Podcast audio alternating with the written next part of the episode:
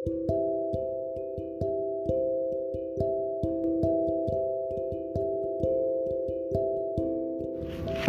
semuanya jumpa lagi bareng gua di akun merawat hati. Eh, kali ini gua kedatangan tamu ya yang identitasnya nggak mau disebutkan. Iyalah bro, bahaya bro. Kenapa bro? Kenapa? Zaman sekarang kan banyak hacker-hacker nakal kan. Jadi kita lebih baik cari aman, yang penting ngobrol santai, biar ya, insya Allah semoga manfaat lah ya. Karena beliau orang penting ya, jadi takut identitasnya atau pikirannya terbaca. Red. Tapi yang jelas buat yang kenal pasti familiar lah dengan suaranya yang eh, tegas ya, terus kemudian penuh dengan eh, energi asik. Ahai. Nggak kalah dengan cinta, beliau juga pakarnya tentang cinta karena se- eh, sejauh saya memandang Mas Bahril ini hampir saja keceplosan tapi sejauh saya memandang bahwa Cok, wis ngerti jenengku. Enggak, baru baru baru sedikit. Tapi sejauh gue memandang ya eh, dia ini orang yang punya kisah panjang ya. Eh, perjalanan eh, asmara yang eh, naik turun sedih dan gue mengikuti sampai eh, sampai sekarang yang katanya mau apa namanya mau merit bener nggak sih bro lu mau merit beneran Ya mau lah, siapa sih yang nggak mau merit? Serius, kapan merit? Ini kan pertanyaannya mau ya, ya mau lah. Kalau soal kapan kan itu masih menjadi rahasia. Kita tinggal tunggu waktu terbaik Hmm, gitu. gitu, Yang gitu, penting siap, siap. sedang dalam proses menuju eh, hal tersebut. Hmm. Jadi mohon doa. Oke oke. Tapi sebelum ke sana nih, gue mau tanya yang dasar dulu masalah cinta. Lu memandang cinta itu gimana sih? Cinta itu sama seperti definisi filsafat. Hmm, Gimana gimana? Jadi setiap orang berhak untuk mendefinisikan, tidak pernah berhenti pada satu tokoh ataupun satu definisi. Kita berhak mendefinisikan. Menurut gue cinta itu asik ya. Jadi penuh dengan dinamika. Mm-mm.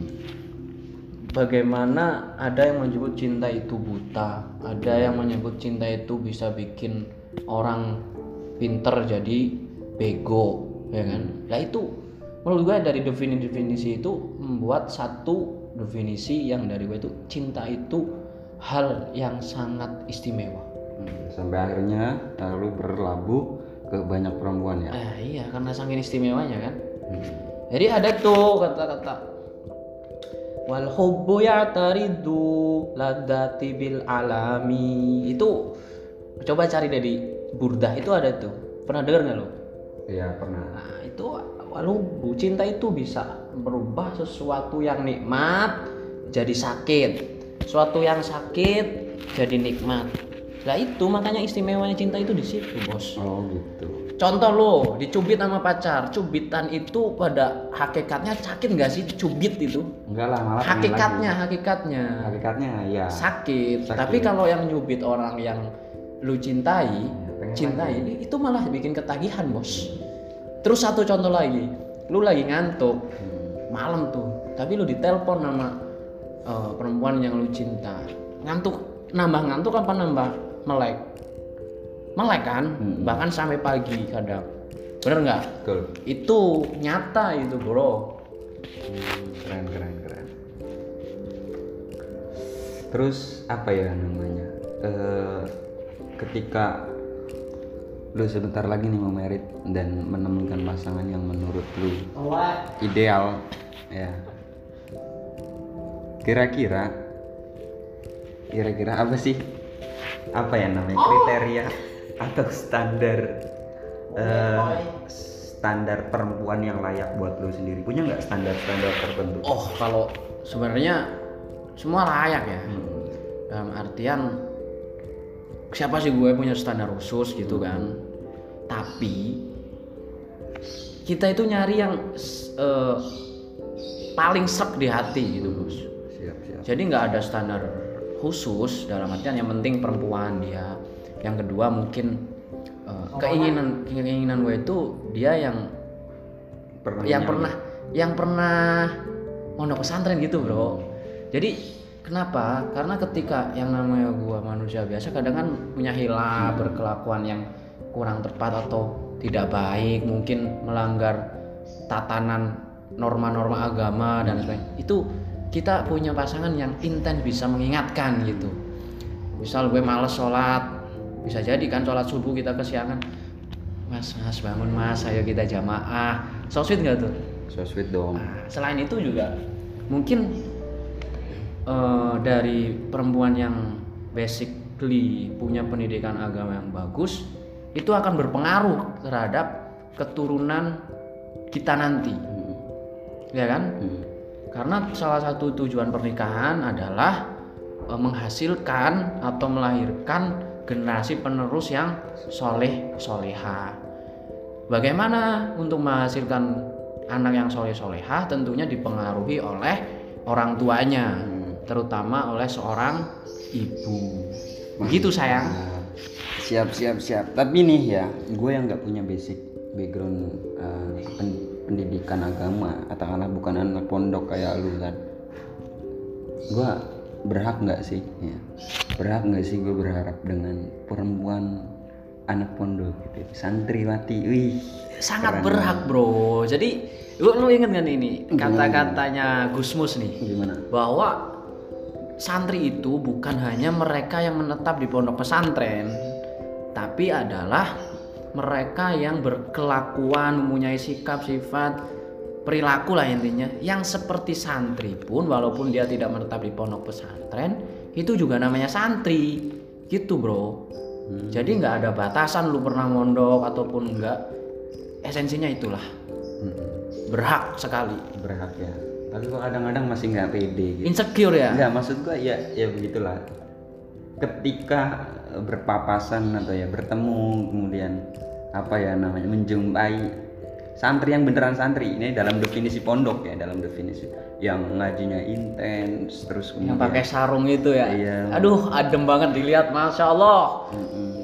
itu saya tuh ngerasa pengen gitu punya masa depan yang bisa dilalui bersamanya tapi ketika gue ngeliat diri gue sendiri gue banyak eh, kekurangan gitu nggak jauh banget dari pengetahuan agama dan apa ya ngerasa nge- bukan levelnya ngerasa bukan levelnya bikin minder dan sampai sekarang ya, ya, ya begitu kira-kira tips dong mungkin teman-teman yang lain juga perlu ini Itu menurut gue manusiawi ya, manusiawi. Begitu menurut gue bro. Mm-mm. Karena gue tuh kadang kan ya zaman sekarang siapa sih yang nggak intens di media sosial lihat Iya. IG bahkan kita kan sering scroll scroll TikTok bener nggak? Hmm. Kadang lihat lihat lihat perempuan-perempuan yang eh, fashionable yang glowing glowing kadang kan kita juga oh, pengen kan tapi begitu pun dengan gue ya gitu ah kayaknya ini bukan eh, bukan apa ya bukan nggak pas nih buat gue karena gue juga bukan anak kekinian yang aktif di media sosial seperti itu. Ya wajar menurut gue manusiawi itu punya punya rasa perasaan seperti itu. Tipsnya menurut gue dalam artian gini bro.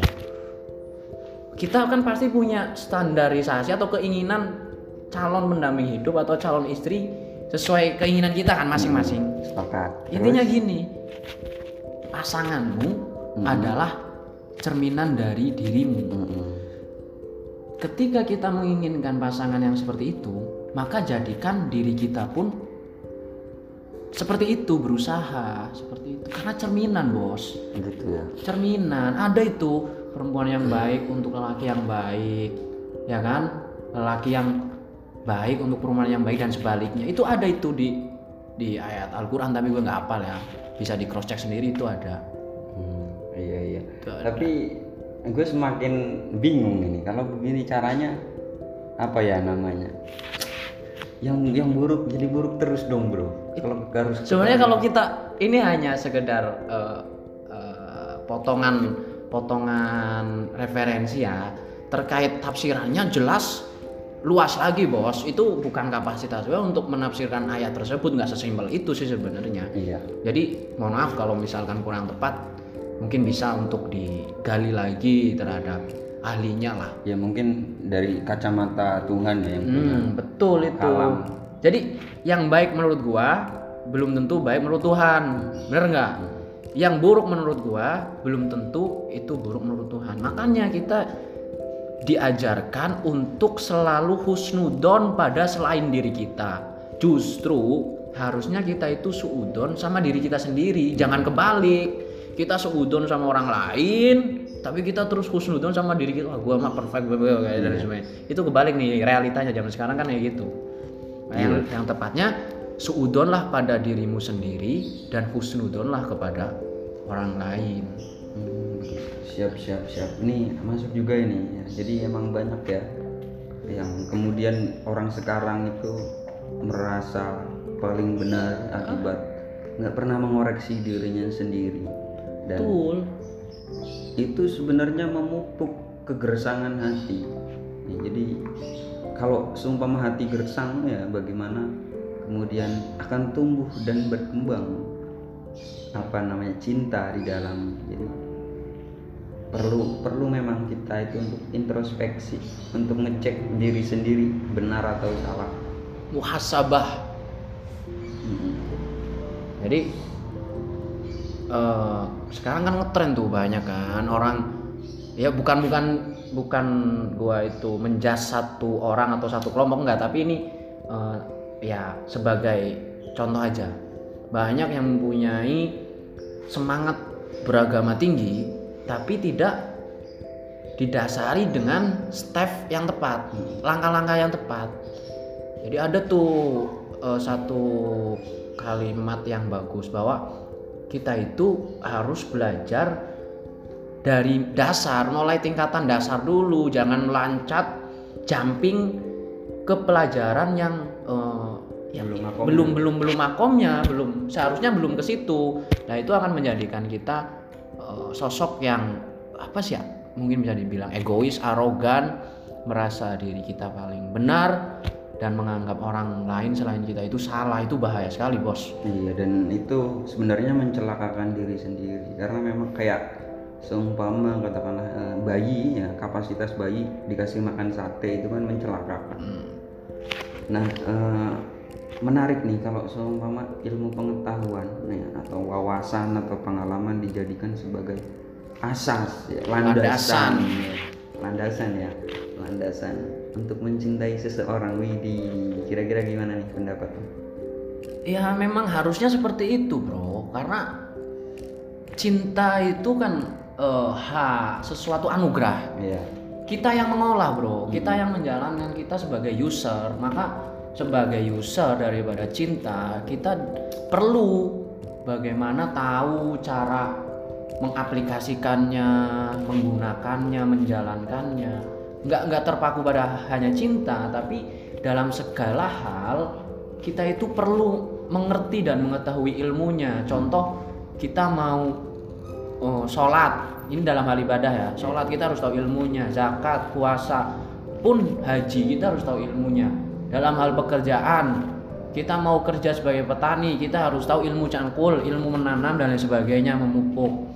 Dalam ilmu teknologi kita harus tahu eh, bagaimana penggunaan teknologi secara tepat guna biar nggak salah. Kalau kita nggak tahu ilmunya hancur bro